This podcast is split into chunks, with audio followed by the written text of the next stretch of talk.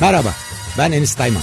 Her pazartesi 10-11 arasında Jurnal'le Radyo Gedik'teyim.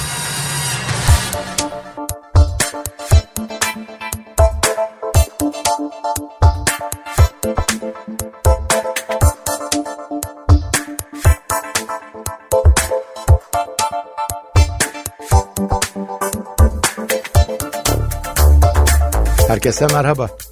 Herkese merhaba. Radyo Gedik'teyiz, jurnaldeyiz.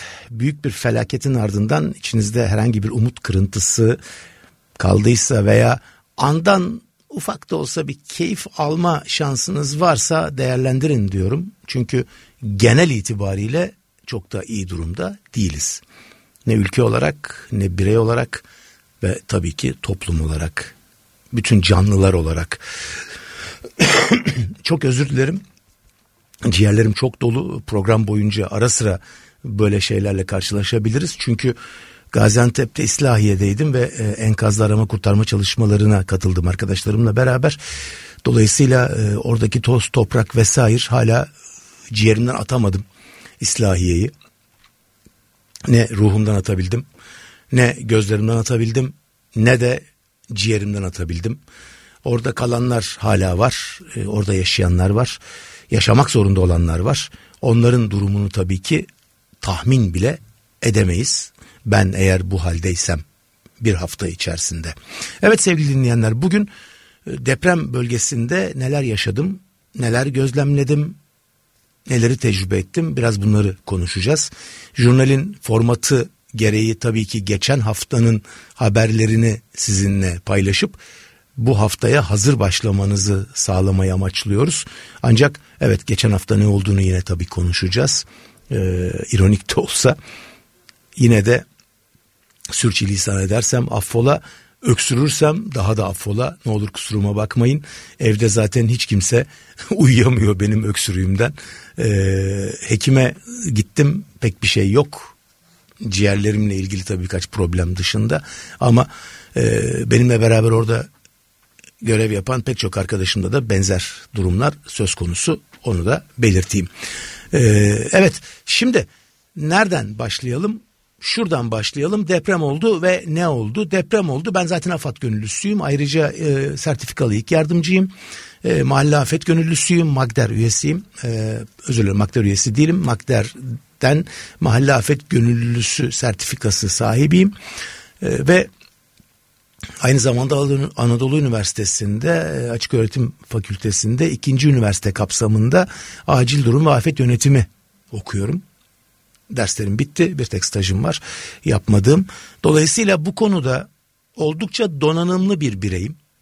Deprem olur olmaz e, AFAD'a başvurdum ben gelmek isterim vesaire ve bana işte e, pek çok insana geldiği gibi sevgili AFAD gönüllüsü bekleyiniz e, uçakta yer yok havaalanlarında yoğunluk var bizden haber bekleyiniz yazıyordu. Aynı şekilde Kadıköy Belediyesi'ne başvurdum onlar da AFAD'ın gönderdiği mesajı bana aynı şekilde gönderdiler.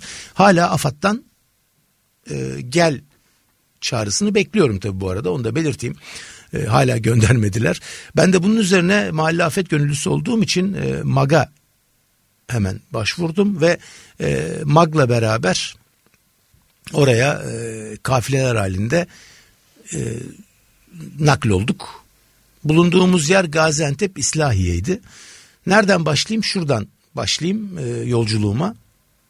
İstanbul Havalimanı'ndan saat işte geçen hafta e, salı veya çarşambaydı, çarşambaydı galiba. E, gidip yerleştik. E, pardon önceki hafta e, çarşamba depremin hemen ardından. Saat dokuz buçuk on civarı havalimanındaydık. Sağ olsun yani havalimanı çalışanları çok yardımcı oldular. E, arama kurtarma e, aletleri vesaire işte bizim kişisel aletlerimiz her konuda çok yardımcı oldular. E, tipik bir havaalanı e, prosedüründen çok da fazla geçmedik. Her şey o çok düzgündü. Gel gör ki girinceye kadar havalimanından içeriye. Havalimanından içeriye girdik saat 18 veya 18.30 gibi uçağımız havalandı. Yani 8 saat kadar orada bekledik. O sırada neler yapılabilirdi? Zaten e, biliyorsunuz depremden sonra ilk 72 saat çok önemlidir ve çok değerli zamanlar zaten e, maalesef ülke olarak e, kaybedildi. Bunun ardından yollarda geçirilen zamanlar ki bu sadece biz değiliz bizden önceki kafileler de aynı şekilde çok fazla zaman geçirdiler. İstekler olanaklarla sınırlıdır denilebilir ama bu ülkede 2009'dan bu yana AFAD adında bir kurulum var. Ee, kurulum bir kurum var. Ee, AFAD aslında bütün me- meseleye sahip çıkması gereken, her şeyi organize etmesi gereken ve e, saat gibi işletmesi gereken bütün süreçleri bir kurum. Ancak böyle olmuyor tabii ki. Ha şunu hemen belirtelim. Burada anlatacaklarım e, ne diyelim çok da fazla biz üzmesin çünkü dünya devi Amerika Birleşik Devletleri'nde de e, işte büyük e, fırtınalardan ya da New Orleans faaliyeti e, felaketinden sonra zaten e, insanları timsahlar yedi. Orada da pek çok sorun yaşandı ki onlar en hazırlıklı olduğunu iddia eden en azından Hollywood filmlerinden öyle düşünüyoruz e, ülkelerden biriydi bu tür felaketlere ama onlar da beceremediler. E, ama Hollywood bunu çok iyi pazarlamayı tabii bildi. Ayrı konu. Burada da benzer durumlar söz konusu. Bakmayın. Yani e, bir felaket oluyor. Zaten oradaki bütün insanlar depremzede felaketten etkilenmiş durumda. Güvenlik güçleri olsun ya da tüm kolluk olsun e, arama kurtarma faaliyetinde görevli insanlar olsun. Çünkü 10 ili etkiliyor. Oradaki insanların tabi akrabaları var bütün Türkiye'de. Yani 13,5 milyon insanı direkt etkiliyor olabilir ama onun dışında onların akrabalarıyla beraber çok ciddi bir rakam etkiliyor. Bir de onu konuşmak gerekiyor. Ayrıca e, şunu da bilmek gerekiyor. O bölgeler Türkiye'nin ne diyelim e, evet Antep belki Maraş sanayi bölgeleri kalkınan bölgeleri ama çok da fazla ne diyelim e, etki uyandırmayan. Çünkü biliyorsunuz orada deprem oldu. iki büyük deprem oldu. Hala da oluyor. Dün de 5.1 oldu galiba Kahramanmaraş'ta. Ama biz hala İstanbul depremini konuşuyoruz. Yani e, İstanbul'a ne olacak? Bu tipik e, gazeteci tavrıdır çoğunlukla. Biz de bunu yapıyorduk. Ben de e, aktif gazeteciyken bunu yapıyordum. Ya İstanbul'a ne olacak? Ya orada bir sürü insan ölmüş. Ne olacak? Belki biliyorsunuz bunu duymuşsunuzdur. Bir televizyon kanalında çaylak muhabir işte müjde kar İstanbul'u terk ediyor diye haber yapmıştı. Anonsunda böyle konuşmuştu. Ha, nereye gidiyor peki kar İstanbul'u terk ediyor? İşte ya Kocaeli'ne gidecek ya Bursa'ya ya da Tekirdağ tarafına gidecek. Ya oralarda ne olacak peki? Müjde ama kar İstanbul'u terk ediyor. Evet İstanbul Türkiye'nin böyle bir göz bebeği negatif veya pozitif algılayabilirsiniz ama böyle. Dolayısıyla oradaki bölgelerde nasıl neler yaşandı neler oldu çok da fazla insanların umurunda değil. Bu arada e, yabancı ülkelerde yaşayan arkadaşlarımdan edindiğim bilgilere göre bütün şehirlerde büyük bir felaket söz konusu ama burada işte e, salon salamanje çadır haberleri yapılıyor e, medya tarafından özellikle iktidar destekli medya tarafından bunları da ayrıca değinmek gerekiyor. Şimdi dönelim tekrar havaalanına. Dediğim gibi havaalanında e, tüm çalışanlar, e, bütün personel olabildiğince yardımcı olmaya çalışıyordu. Hepsi yoluyordu ki hatta size bir şey söyleyeyim. E, ben işte yola çıkarken bir arkadaşımı uğradım. E, motor e, malzemeleri satıyor, motosiklet malzemeleri satıyor. Bana çıkarttı hemen bir e, şey buff verdi lazım olur diye. E, bizim salonumun da bulunduğu spor salonumuzun ve derneğimizin bulunduğu Hasanpaşa civarında Eğitim Mahallesi'nde de benim devamlı alışveriş ettiğim eczaneye girdim. İşte ağrı kesici alayım, bir şeyler alayım diye. Oradaki arkadaş sağ olsun bana bir vitamin hediye etti. Böyle durumlarla karşılaşıyorsunuz. İşte bir yere e, gidiyorsunuz depreme gittim veya depreme gidiyorum ve şey olmuyor. E, işte e, aile sağlığı merkezinde tahlil yaptırdım birkaç tahlil yaptırdım döndükten sonra neler diye. İnsanlar geçmiş olsun aman elinize sağlık diyorlar. E, böyle tabii ki hani herkes her şeyin aslında farkında. Ne kadar gerçekleri söylerler, ne kadar söylemezler, ne kadar da gerçekler bizi ilgilendirir bu bölümünü tartışmak e, belki de beyhude. Şimdi efendim havaalanından sonra çıktık e, geldik Adana'da e, Adana'ya indik Adana'dan da Antep'e gideceğiz. Bütün yol bildiğiniz yol şartları İslahiye'ye bizi vermişlerdi. Gaziantep İslahiye. İslahiye çok büyük bir ilçe değil ama orada askeri birlikler çok fazla. Dolayısıyla önemli de bir ilçe aynı zamanda. E, İslahiye'de e, İslahiye İtfaiyesi'nin arkasında bir bölgeye bizi konuşlandırdılar. Kamp oradaydı. E, Mahalle Afet Gönüllülerinin kampı. Bu arada Mahalle Afet Gönüllülerinden de kısaca bahsetmek gerekiyor. E, bir sivil toplum kuruluşu e, acil müdahale eğitimleri de veriyorlar. Aynı zamanda e, deprem veya işte e, afet eğitimleri de veriyorlar. İsterseniz e, yaklaşık 36 saat civarında bir eğitim alarak mahalle afet gönüllüsü olabiliyorsunuz. 220 saat eğitim alarak da acil müdahale ekibine dahil olabiliyorsunuz. Acil müdahale eğitimiyle ve böylece AME e, oluyorsunuz.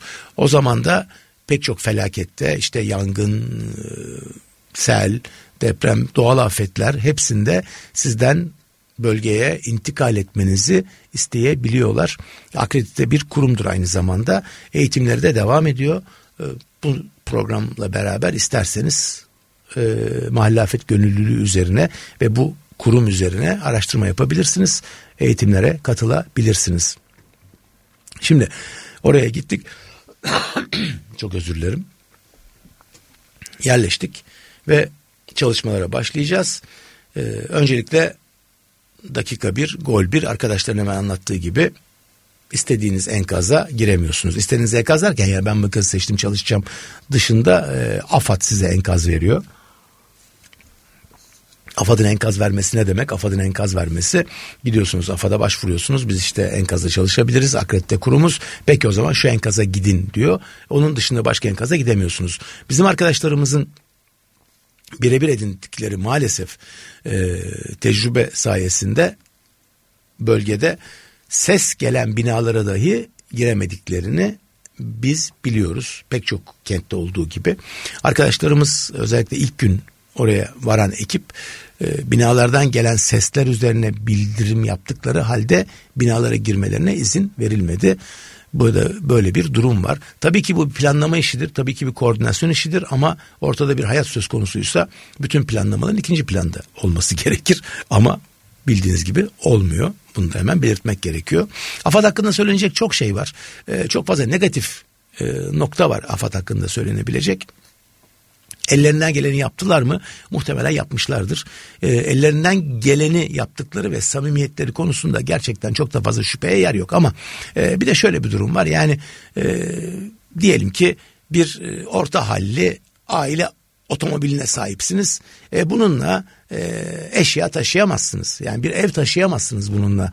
İstediğiniz kadar planlama yapmış olun. Kapasite meselesi e, AFAD'ı yönetenler, AFAD'ın içinde çalışanların kapasitesi bu kadar. Bir de böyle bir sorunumuz var. Yani yoksa e, kurumsal olarak ben de bu işin eğitimini aldığım için söyleyebiliyorum. Kağıt üzerinde her şey mükemmel zaten. Kağıt üzerinde ne ararsanız var. Kağıt üzerinde bütün planlar her şey mükemmel ama uygulamada iş biraz da tabii ki eğitime eğitilmiş bireylere kalıyor, eğitilmiş personele kalıyor. E, kapasite bu kadar. Bunu böyle algılamak gerekiyor. Yoksa AFAD'da bir grup hani şeytan oturuyor ve onlar da herkesin kötülüğünü istiyor diyemezsiniz. E, ben onlarla beraber çalıştım. Düzgün insanlar, e, pek çoğu iyi niyetli insanlardı ama tekrar ediyorum kapasite bu kadar. Her şey kapasite meselesi sevgili dinleyenler. Kapasite yoksa yapacak da fazla bir şey yok. E, o kapasitesi düşük insanları oraya kim e, almıştır? Bunun peşine düşmek gerekiyor. Bunu tartışmak gerekiyor. Biraz da bununla ilgilenmek gerekiyor aslında. Şimdi ilk gün itibariyle orada bu aksaklıklar yaşandı. Ondan sonra neler oldu? Aksaklıklar devam etti maalesef. Bir de böyle bir sorun var. Bütün Türkiye'de olduğu gibi e, Hatay'a hiç kimsenin uğramaması gibi aslında baktığınızda bütün kentler bir başına bırakılmış vaziyetteydi. Duyduklarınızın maalesef hepsi gerçek. Bütün kentlerde yağma çok yoğundu, hırsızlık çok yoğundu. suç oranı yüksekti. Hatta bölgeye akan çeteler söz konusuydu. Biz e, arama kurtarma için bir bölgeye e, nakledilirken bir tır gördük sevgili dinleyenler. E, bir tıra iki minibüsten yardım malzemesi aktarılıyordu. İslahiye'deydik, deprem bölgesindeydik. Deprem bölgesinde bir tır vardı.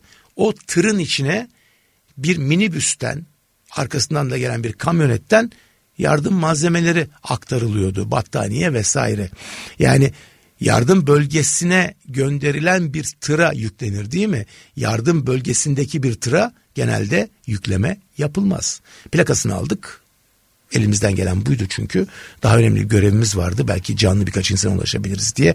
Orada birkaç vurguncuyla dövüşmeyi göze almadık hiçbirimiz. Ee, kolluk bu konuda ne yaptı? Tabii ki kolluğun hesabına, günahına, sevabına bu yazılacaktır. En azından öyle düşünebiliriz.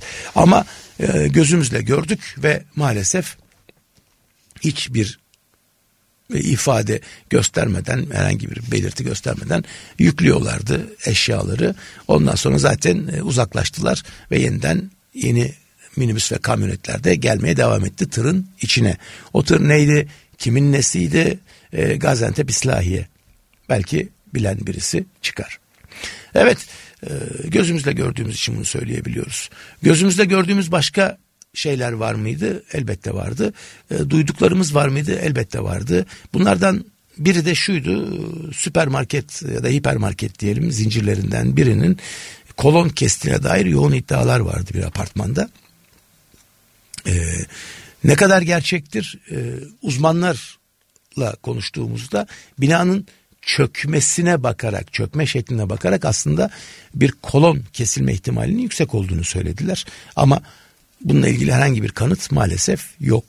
Bunu da belirtmek gerekiyor. İnsanlar nasıldı? Ee, insanlar şoke olmuş vaziyetteydi gerçekten de. Orada 13 e, naaşın çıkarılmasında e, katkıda bulundum. Benim arkadaşlarım e, canlı depremzedeler buldular. Ve bunun keyfi hakikaten hiçbir şeyde yok onu da belirteyim. Çünkü bir insanı kurtarıyorsunuz ama naaşlar konusunda da şunu söyleyebilirim. İnsanlar teşekkür ettiler çünkü naaşlarını tek parça teslim edebildik onlara. Ee, hiç olmazsa ölüsünü alayım diyorlardı insanlar. Orada bir amca vardı. Dört gün boyunca bekledi. Dört gün boyunca benim çocuğum yaşıyor dedi. Ve sonra gerçekten de canlı çıktı. Onu da bu hikaye olarak paylaşmak gerekiyor. Umudunu hiç kaybetmedi ama bu tabii bir hikaye maalesef daha başka hikayeler de var. Bu arada e, girdiğimiz binalardan biri bir enkaz e, bölgenin en kaliteli binalarından biri olarak biliniyormuş. 200 metrekare alanlı e, oturum alanlı ve e, gerçekten de enkaza baktığınızda kalın demirlerin kullanıldığı e, ama maalesef kalitesiz inşaatın yapıldığı bir bina. Demirler çok kalın. Orada dikkatimizi çeken bir şeylerden biri de buydu onu hemen belirteyim. Adeta e, çimento için kullanılan kum elenmemişti. İçinden bildiğiniz taşlar çıkıyordu. Kocaman kocaman taşlar çıkıyordu. Dere taşı deniz taşı çünkü yuvarlaktı. Yani belli ki yuvarlana yuvarlana e, pürüzsüzleşmiş taşlardı He, hemen hepsi. E, bu bir dere taşı olabilir, deniz taşı olabilir problem değil. Ama taşların orada olmaması gerekiyor. O taşlarsız yapılması gerekiyor. E, betonun karılması gerekiyor. Fakat bunu yapmamışlar. Olduğu gibi yerleştirmişler. Bu belki olmasaydı işte o kolonlar kesilmeseydi pek çok bina yine ayakta kalabilirdi ama kalamadı. Şimdi büyük koordinasyonsuzluk demiştik. Koordinasyon mesela yiyecek anlamında inanılmaz bolluk vardı. Onu hemen belirteyim. Hiç e, aç kalmadık. Kimse aç kalmadı. Hiç kimse de aç değil.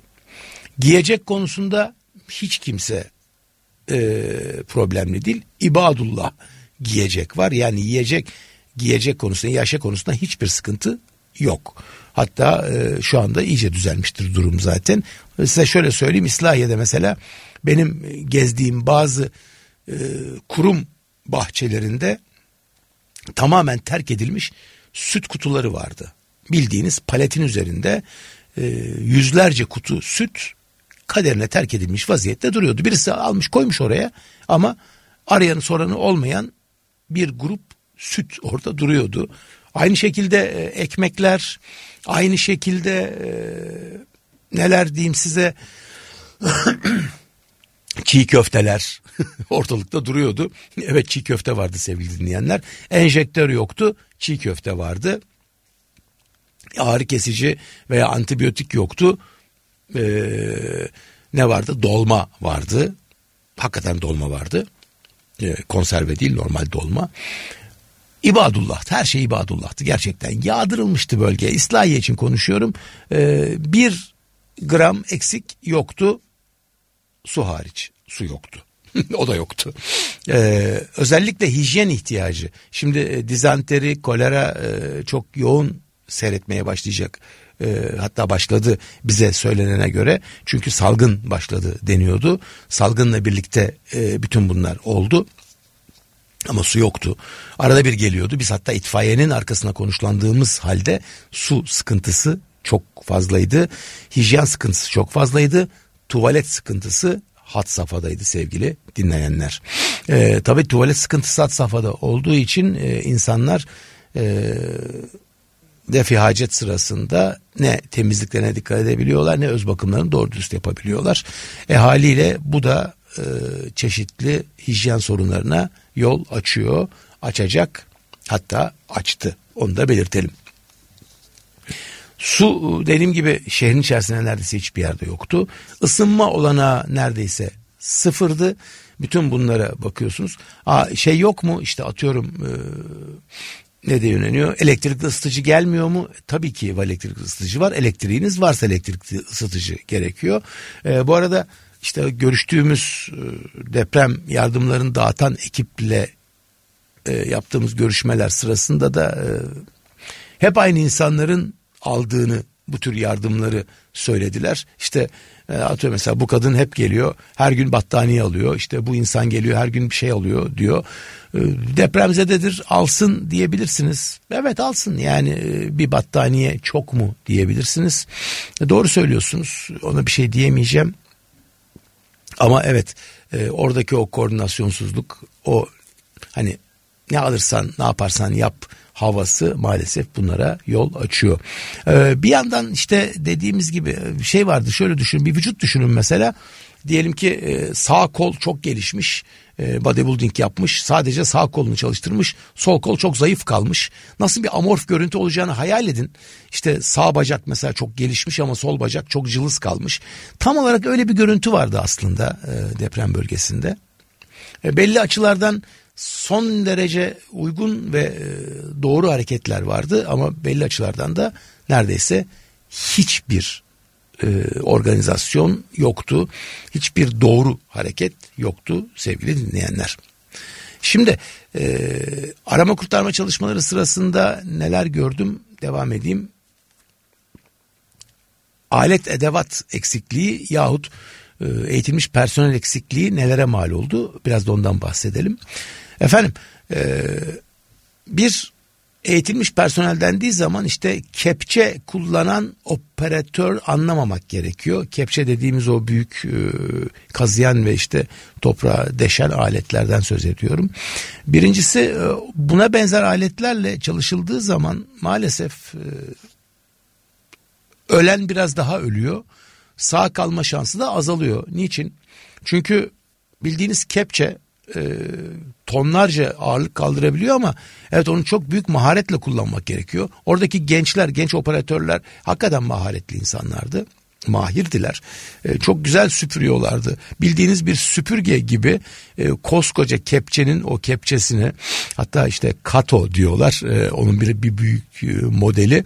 E, o da e, jenerik bir isim aslında ama neyse büyük kepçeleri büyük e, bir maharetle kullanıyorlardı. Ama e, bunlar gerekli ekipman mıydı doğru ekipman mıydı tartışmak gerekiyor. Değildi. Pek çok farklı ekipman vardır. E, onlardan neredeyse hiçbiri yoktu. E, zaten biraz da hadi artık kalk gidelim havasındaydı herkes belli bir günden sonra.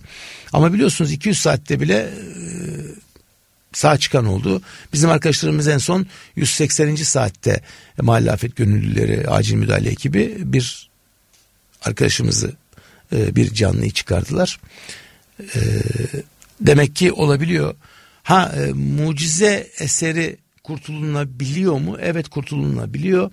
Çünkü binalarda eğer tırnak içinde doğru bir enkaz oluşmuşsa hayat boşlukları oluşuyor, yaşam üçgenleri oluşuyor. Onlar da hayatta kalmakta mümkün oluyor. Ee, nasıl oluyor gerçekten bunu tartışmak gerekiyor ama evet hayatta kalabiliyorsunuz. Onun için çok dikkatli olmak gerekiyordu. Çok iyi çalışmak gerekiyordu. Çok sabırlı olmak gerekiyordu. Ama maalesef o sabırlar pek de e, bulunmuyordu insanlarda. Şimdi gerekli alet e, edevat eksikliğinden bahsettik. Eğitimli personel eksikliğinden bahsettik. E, bölgede başka ne eksikti? Kolluk da eksikti onu da belirtmek gerekiyor. Tabii ki e, kolluk personeli vardı ama benim e, kayıt dışı görüştüğüm emniyet görevlileri geceleri sokaklarda dolaşamadıklarını söylüyorlardı. Dolaşsak da ne yapacağız diyorlardı. Çünkü bölgeyi tanımıyorlar. İşte atıyorum Tekirdağ'dan gelmişler, Edirne'den gelmişler. E, İslahiye'de konuşlandırılmışlar. Bölgeyi tanımıyor. O evin sahibi kimdir? E, o eve niye girip çıkılıyor? E, o eve girip çıkana ne yapacaksınız? E, bütün bunlar soru işareti. Prosedür olarak bunların hepsinin oturtulması gerekiyordu. Hiçbiri oturtulmamıştı büyük dediğim gibi her şey aslında bütün cümleler bir koordinasyonsuzluğa yol açıyordu sevgili dinleyenler. Ee, onun dışında dediğim gibi sağlık ekipmanları çok yetersizdi. Tıp personeli çok yetersizdi. İslahiye için bunu konuşuyorum. Diğer bölgeleri bilmiyorum. Ee, özellikle mahalle afet gönüllüleri e, koordinasyonunda çalışan tıpçılara çok fazla depremzede geldi ve çok fazla yardım talebi geldi. Onu da belirtmek gerekiyor. Neden efendim? Çünkü atıyorum işte gözü e, sakatlanan, başı ağrıyan, e, işte pansuman gereken pek çok insanla arkadaşlarımız meşgul oldular. Çünkü e, yeterli revir donanımı veya yeterli revir yoktu. Bunun dışında orada karşılaştığımız Başka neler vardı? İlk Umut Derneği diye bir dernekle tanıştım. Ee, dernek çalışanlarından biri yanıma geldi. O gün ben görevliydim bizim kampın e, kapısında. Abi dedi ip var mı? İp mi? İp yok. Yani hayırdır ne yapacaksın? Lazım dedi. Ha, ip yok dedim ben de şimdi lazım deyince ip olmuyor tabi haliyle. Ne yapacaksın diye tekrar sordum. Abi dedi çocuklar var ip atlatacağız. Ne çocuklar mı var? İp atlatacaksınız. Hemen e, görevi falan bıraktım ve ip çalmaya gittim. Çünkü ip yok gerçekten de. O sırada bizim e, kampın sorumlularından biri beni yakaladı. Hayır dedi o ipi alamazsın. Bir ipi gözüme kestirmiştim. Hani niyetini anlıyorum o ip olmaz dedi. O ip başka bir yere bağlıyor. Ya dedim lazım niye lazım? Çocuklar patlayacak. Ne dedi çocuklar mı patlayacak? Ve biz o kadar kargaşanın işte o keşmekeşin içerisinde 3 metre ip peşine düştük. 15 ee, dakika boyunca ip aradık. Ee, hatta bir çadırı yıkma tehlikesiyle karşı karşıya kaldık ama bir ip bulduk. Ondan sonra ipi teslim ettik. Gittik hatta video çektik. Çocuklar iki saat boyunca o iple deliler gibi oynadılar ip atladılar. İşte ipten atlamayı öğrettik onlara. E, nasıl ipin altından geçilmesi gerektiğini öğrettik. Evet bir sürü. Ardından seksek işte başladı mesela seksek oynadı çocuklar.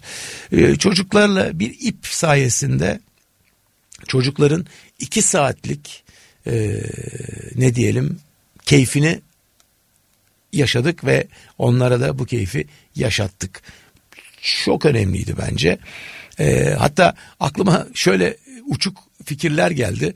E, cebimde para olsa mesela bir palyaço bulsam deprem bölgesine göndersem çocuklarla ilgilense e, çocukları oyalasa biraz avutsa ne kadar güzel olur diye düşündüm.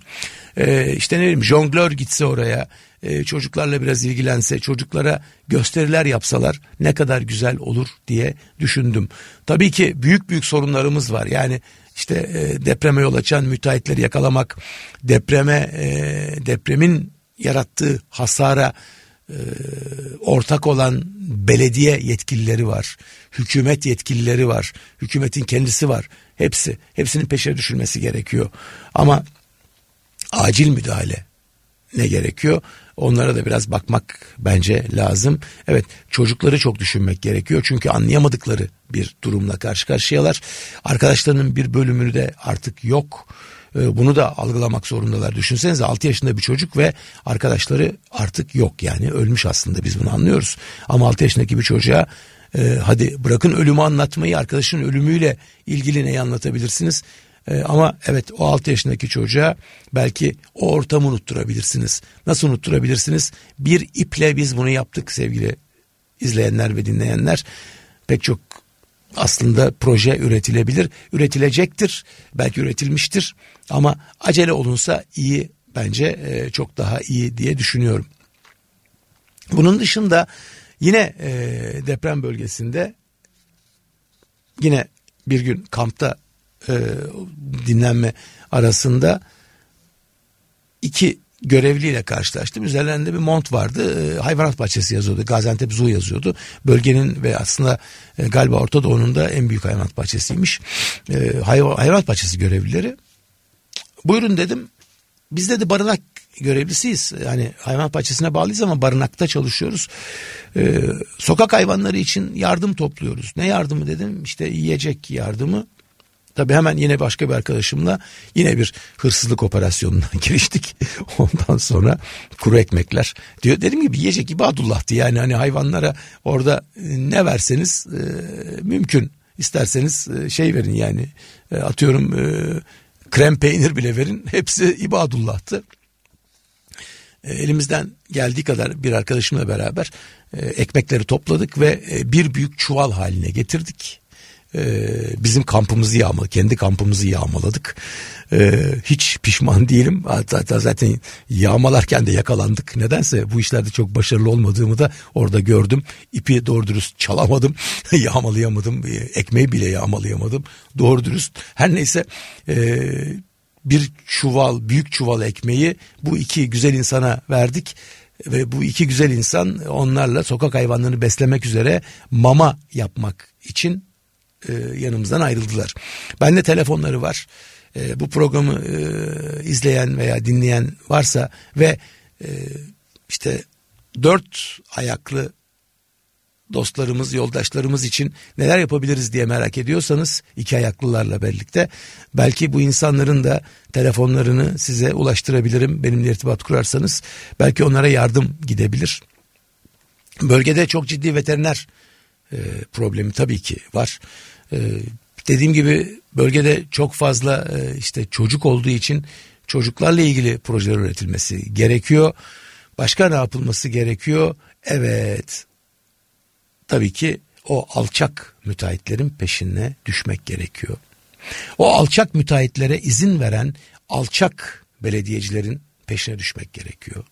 O alçak müteahhitlere e, izin veren alçak belediyecileri oraya getiren alçak siyasetçilerin peşine düşmek gerekiyor sevgili dinleyenler.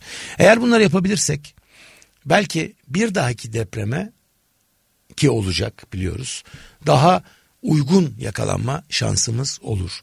Biliyorsunuz Japonya'da deprem oluyor. İnsanlar sadece yaralanıyor. Hiç kimsenin öldüğü yok. Büyük tsunami felaketiyle beraber e, nükleer santralda yaşanan sorun bunun dışında çünkü orada evet bir de işin içine tsunami girdi ama normalde çok ciddi bir deprem ülkesi olan Japonya'da binalar öyle güzel yapılıyor ki öyle uygun yapılıyor ki kimseye bir şey olmuyor. Zaten deprem öldürmüyor. Yani tırnak içinde tabii ironik bir söylem bu ama bina öldürüyor sevgili dinleyenler. Binalardaki insan hataları öldürüyor. öldürüyor. Ee, uygun olmayan binalar insanları öldürüyor.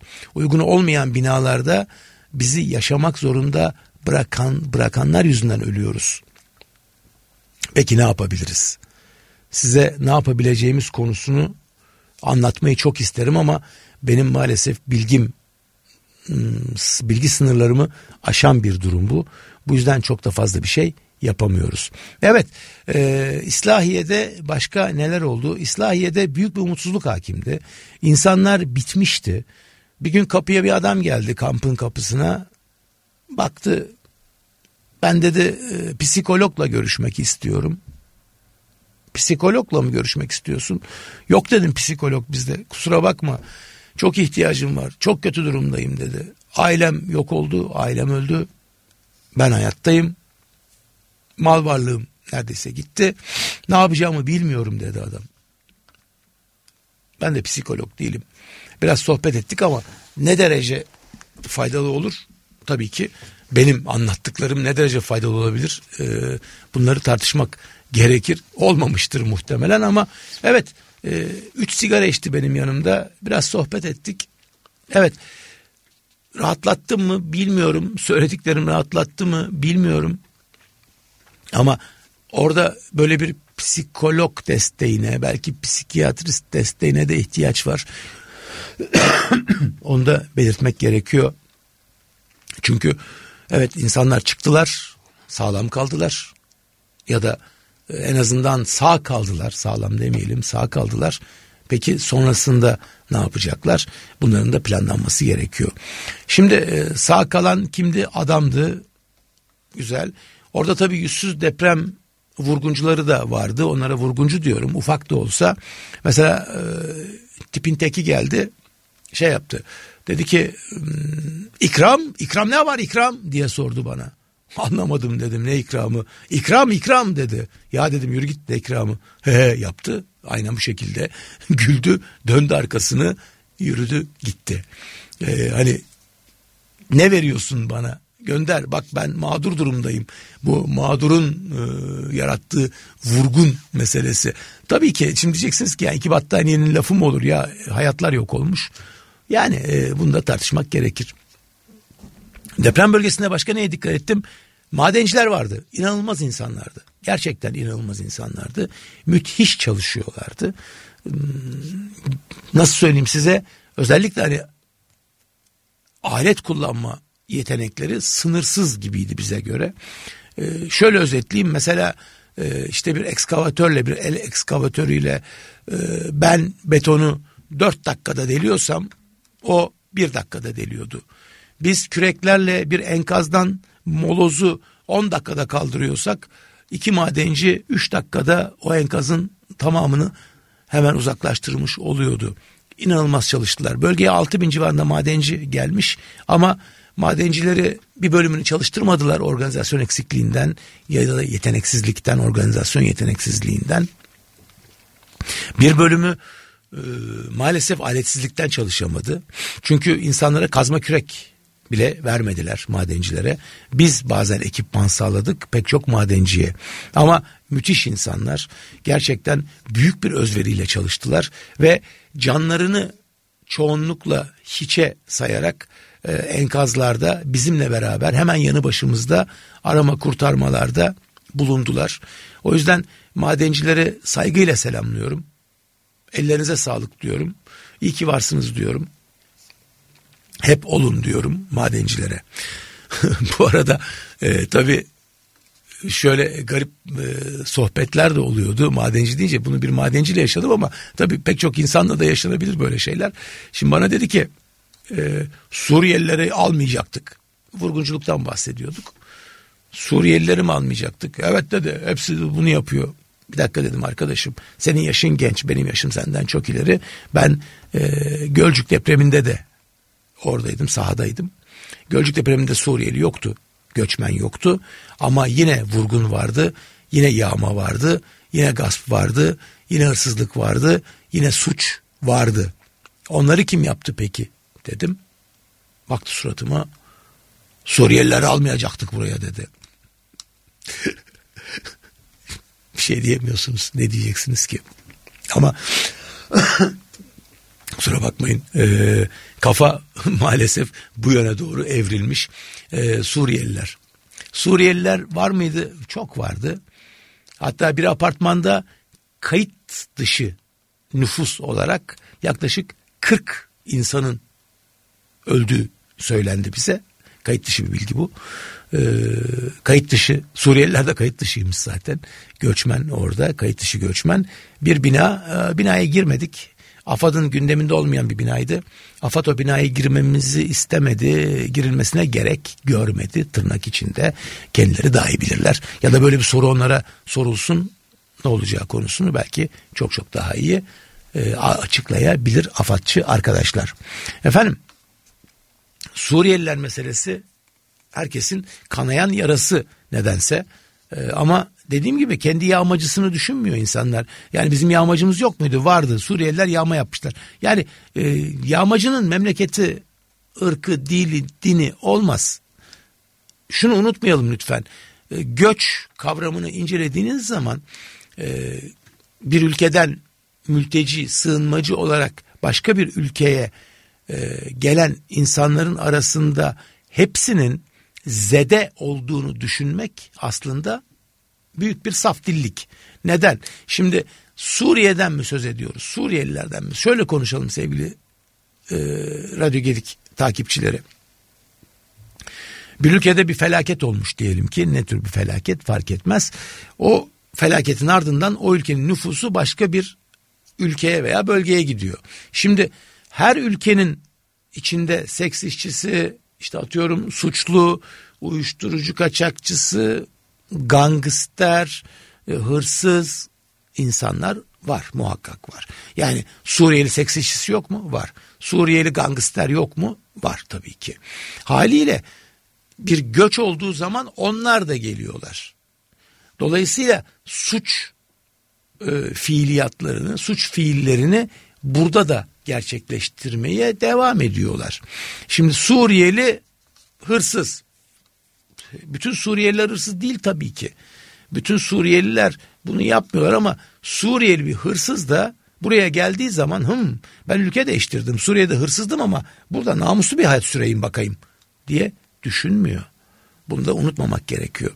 Aynı şekilde yani bizim de e, ülkemizin vatandaşları başka bir ülkeye gittiği zaman orada da e, gidip de sıradan bir insan düzgün e, hayatını namusuyla kazanmak isteyen bir insan gangster olayım diye düşünmüyor. Gangster de olmuyor zaten. Ama gangster olan birisi ülke değiştirse bile yine aynı gangster oluyor ve aynı suç fiillerini orada devam ettiriyor. Meseleye böyle bakmak gerekiyor. Çünkü bir insan e, çok kısa bir süre içerisinde e, yağmacı olmaz ya da çok kısa bir süre içerisinde suç dünyasında basamakları hızla yükselmez. Özellikle de eğer namuslu bir insansa bunu yapması çok çok zordur. Bunu çok fazla görüyorduk. Çok fazla yaşadık. Ee, insanların organizasyonsuzluğu, insanların e, çeşitli badireler yüzünden suç işlemesi tabii ki olasıdır ama bunu bir meslek olarak yapması başka bir dosya konusudur ve bunu da yapan insanlar zaten öteden beri yapıyordur ki bu işte tecrübelidir. Bunu da bilmek gerekiyor. Ee, ünlü bir komedyen Cem Yılmaz şey diyor.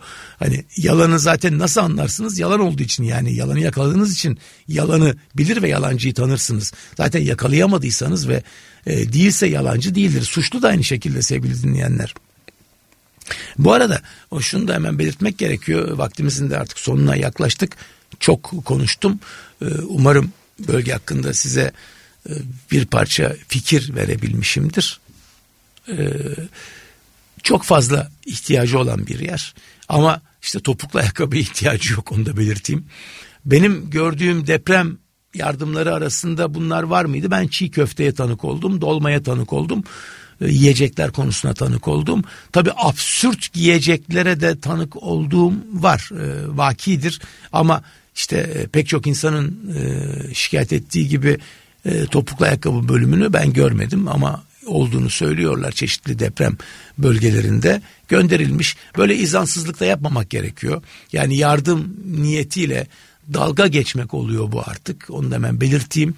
E, bu tür e, faaliyetlerde bulunmak. Oraya ne gönderilebilir? E, oraya şunlar gönderilebilir diyemezsiniz. Çünkü her bölge değişiyor. Ama e, Hatay'da mesela eğer mutlaka bir şey göndermek istiyorsanız çocuk ve kadınlar üzerine hijyen malzemeleri üzerine bir şeyler gönderebilirsiniz. Çünkü çok fazla etkilenen bir grup biliyorsunuz erkek egemen yapı sayesinde zaten erkekler pek çok açıdan avantajlı konumdalar. Dezavantajlı konumda olanlar kadınlar ve çocuklar. Erkekler demişken bu arada e, vakit de azalıyor. Bir dedikodu olarak aramızda yaptığımız bir dedikodu olarak şundan bahsedeyim. Erkeklerin bir bölümünün kaçarken depreme yakalandıkları doğru. Kaçabildikleri de doğru. Ee, koridorlarda yakalandıkları, işte e, tek başlarına yakalandıkları da doğru. Çocuğu olan kadınların da çocuklarıyla beraber yakalandıkları da doğru. En azından benim e, enkazlarda naaşlarla ilgili e, gördüğüm tablo bu. E, anneler çoğunlukla çoğunlukla diyorum bir işte düzgün babalar da gördüm. Ama düzgün derken tabi e, deprem olmuş deprem sırasında ev yıkılıyor e, bir babayı çocuklarını kucaklamadığı için, çocuklarını kurtarmaya çalışmadığı için suçlayabilir miyiz? Bunu e, tamamen tartışmaya açık bir nokta olarak bırakıyorum şuraya. Tam burada duruyor. Bunu herkes tartışabilir. Buna söyleyecek lafım yok. Çünkü sonuçta can dan bahsediyoruz. Ama anneler aynı e, ne diyelim yeteneği gösterememişler. E, çocuklarını bırakmamışlar. O hayatta kalma e, güdüsünü gösterememişler belli ki ve e, çocuklarını kurtarmaya çalışmışlar. E, çocuklarıyla beraber ölen anneler vardı, yalnız erkekler vardı. E, bunları bilelim. Ne diyebiliriz? Plan yapın. Yani binanız sağlam olmayabilir. Sağlam binaya geçmeye çalışın. Başka bir kente gitmeye çalışın. Hayat planınızı değiştirmeye çalışın. Ee, eğer bunları yapamıyorsanız enkazda belki de hayatta kalma şansınızı arttırmak için planlar yapın. Ee, bunlar çeşitli internet sitelerinde çok fazla var. Yani e, nereye sığınmanız gerekiyor onu bilin. Ee, nasıl işte çok kapan yapsanız bile nerede yapmanız gerekiyor onu bilin. Her yerde işe yaramaz çünkü. Ve e, kendi evinize dair planlarınızı yapın. İşte e, kendi yakınlarınıza kendi planınızı anlatın. Hangi odada ben bulunurum? Bunu anlatın insanlara. Belki çünkü enkazda kalsanız bile e, yakınlarınız enkazın etrafında konuşlanmış yakınlarınızdan alınan bilgilerle pek çok arama kurtarma çalışması yürütülüyor. Dolayısıyla e, işte atıyorum benim ailem benim akrabalarım e, şu odada e, şu bölümde diye belki de yön verebilir arama kurtarma çalışmaları sırasında ekiplere. Yapamazsak en azından bunu yapalım. Bir de lütfen sevgili dinleyenler son söz olarak şunu söyleyeyim. Çocuklarınızı terk etmeyin. Evet deprem evet büyük felaket. Çocuklarınızla beraber ölün en azından. Onlarla beraber felaketi göğüsleyin. Yalnız gitmelerine, yalnız olmalarına lütfen izin vermeyin. Onlarla beraber kucaklayın. Ne kucaklamanız gerekiyorsa. Sevgili Radyo Gedik takipçileri bu haftayı İslahiye'deki e, benim gözlemlediğim ve tecrübe ettiğim felaketin e, üzerine kurduk. Umarım çok çok daha iyi programlarda, çok çok daha keyifli konularda buluşma şansımız olur. Büyük bir aksilik olmazsa haftaya görüşmek üzere diyorum. Hoşçakalın.